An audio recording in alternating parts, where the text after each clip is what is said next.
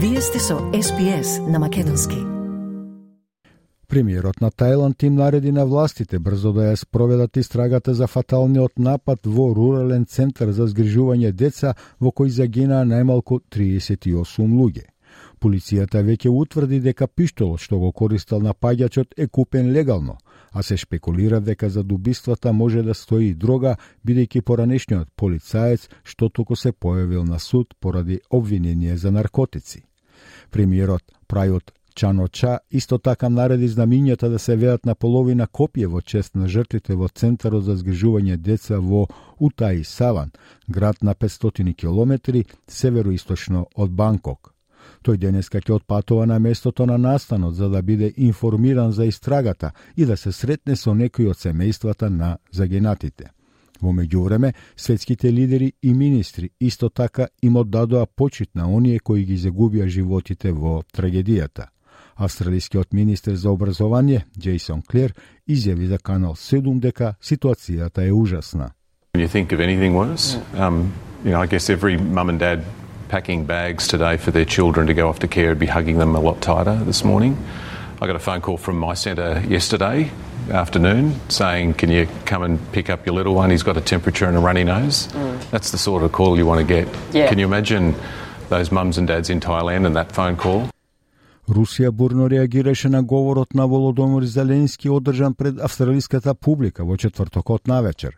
Во свој одговор пред Институтот Лови, господин Зеленски рече дека ја повикува Австралија да ја поддржи Украина во Обединетите нации следната недела и се осврна на заканата од Москва за употреба на нуклеарно оружје. Тој вели дека НАТО треба да изврши превентивни напади за да се исклучи каква било руска употреба на нуклеарна технологија и дека ако Владимир Путин не биде запрен, тој ќе ги, цитирам, конзумира, затворен цитат, и другите нации. Портпаролот на Кремљ Димитри Песков ја осуди неговата изјава, велејќи дека тие не се ништо друго освен апел, цитирам, да се започне уште една светска војна со непредвидливи, монструозни последици, затворен цитат. Властите ги повикаа жителите да не возат низ поплавен, поплавените области бидејќи источниот брег на Австралија продолжува да биде погоден од влажни временски системи. Државните служби за итни случаи низ Викторија и Нов Јужен Велс извршија повеќе спасувања во последните 24 часа, со пет спасувања од поплави и над 180 повеќе за помош само во Викторија. Заменик полицискиот комесар во Нов Јужен Велс, Мал Ланион вели дека неодамнешните настани треба да бидат поучни.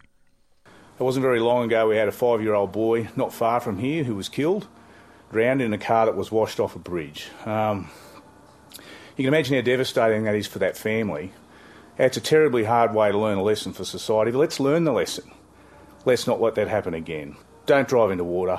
You don't know what's under it, you don't know how fast it's flowing. Опозицијата ја обвини владата дека дава мрачна слика за економијата и буџетската позиција за да го подготви електоратот за промени во третата фаза даношни намалувања. Се очекува благајникот Джим Чалмерс да открие детали за владините трошоци кога ќе зборува на инвестициски настан организиран од владата на Квинсленд денес – Отплатата на долгот е означена како една од петте клучни области на трошење пред буџетот на 25 октомври, заедно со грижата за стари лица, грижата за инвалидитет, болниците и одбраната. Портпаролот на опозицијата Саймон Бирмингем вели дека благајникот се обидува да ја, цитирам, препише историјата, затворен цитат, во обид да ги ублажи гласачите поради намалувањето на даношните намалувања од третата фаза а за време на вчерашната дебата на мешовитиот парламентарен комитет Македонија Европска Унија, бугарскиот европратеник Александар Јорданов и се обратни директно на претеничката од НСДП Сонја Мираковска, велејќи дека Советот на Европската Унија веќе има изнесено став во кој јасно е кажано дека Македонија треба да направи измени во својот устав, па потоа да ги почне реалните преговори за членство во Европската Унија. Мираковска одговори дека таа е македонка и дека поради долгото чекање на Македонија за почнување на преговорите со Европската Унија се појавил проблем, а тоа се бугарските пасоши кои, како што рече, се издавани на нелегален начин. Вие мене, нити на моите сограѓани, никогаш не можете да им кажете дека зборат на погрешен јазик, јас сум македонка, зборувам на македонски јазик, се појави еден голем проблем заради нашето долго чекање, а тоа е земањето на бугарски пасоши. Вие имате бугарски пасоши кои се регистрирани на една бандера во град во Бугарија. Вие имате бугарски пасоши кои се дадени на сосема нелегален начин.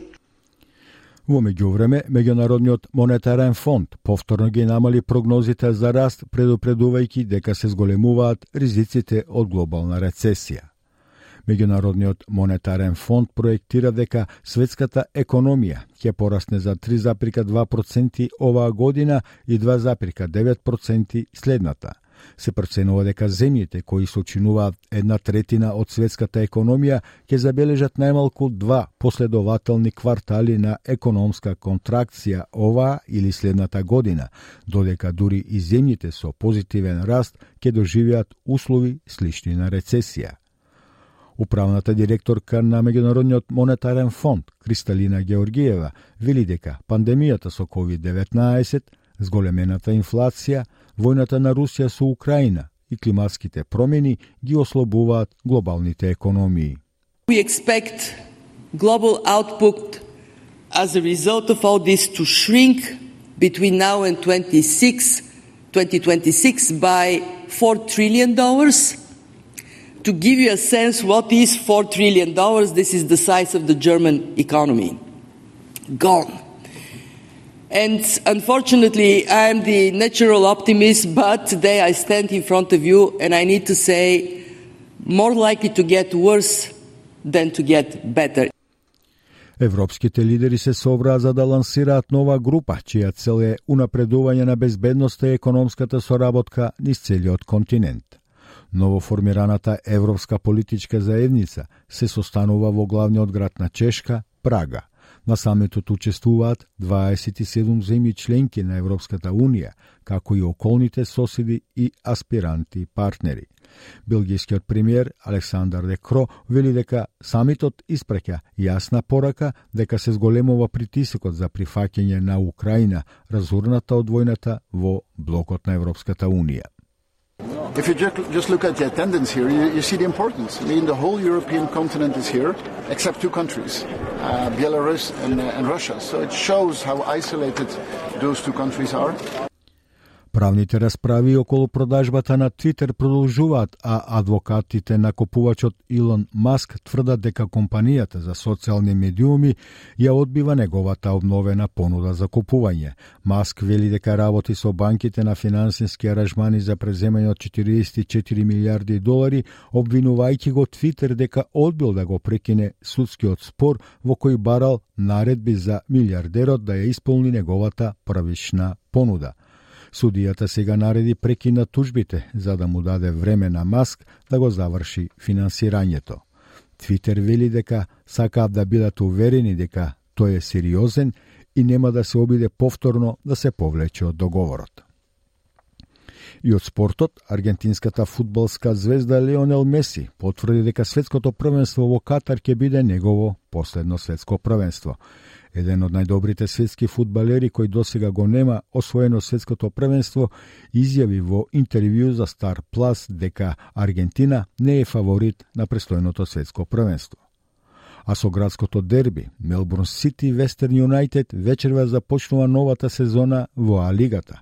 Титулата ќе ја брани Вестерн Юнайтед, кој токму во вечерашниот противник, а Мелбурн Сити го имаше и за и го совлада во големото финале минатата година, победувајќи го со 2 спрема 0. Во премиер лигата на Илавара овој викенд се игра два надпревари од финалната серија. Во првото полуфинале играат Вулонгонг Юнайтед, екипа од македонската зеница, и Вулонгонг Олимпик. Победникот оди во големото финале, додека поразениот ќе игра со победникот во елиминацијското финале, каде што игра уште една екип од македонската заедница, тоа е Кринчила Лајонс, а противник ќе биде Булај. Надпреварите се играат во недела.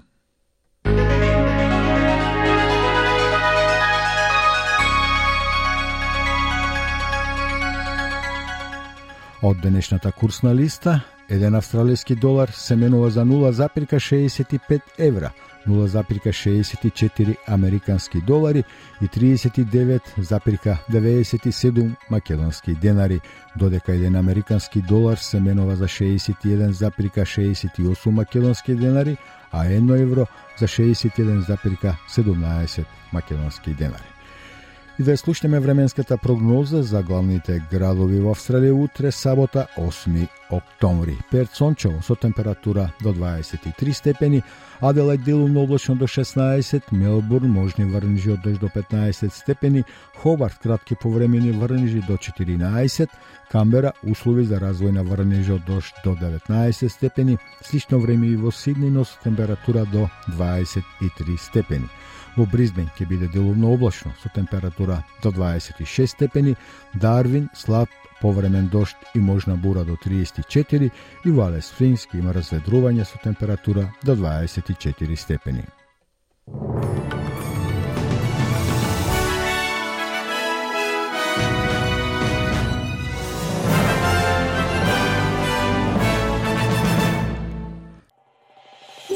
Сакате ли да чуете повеќе прилози како овој?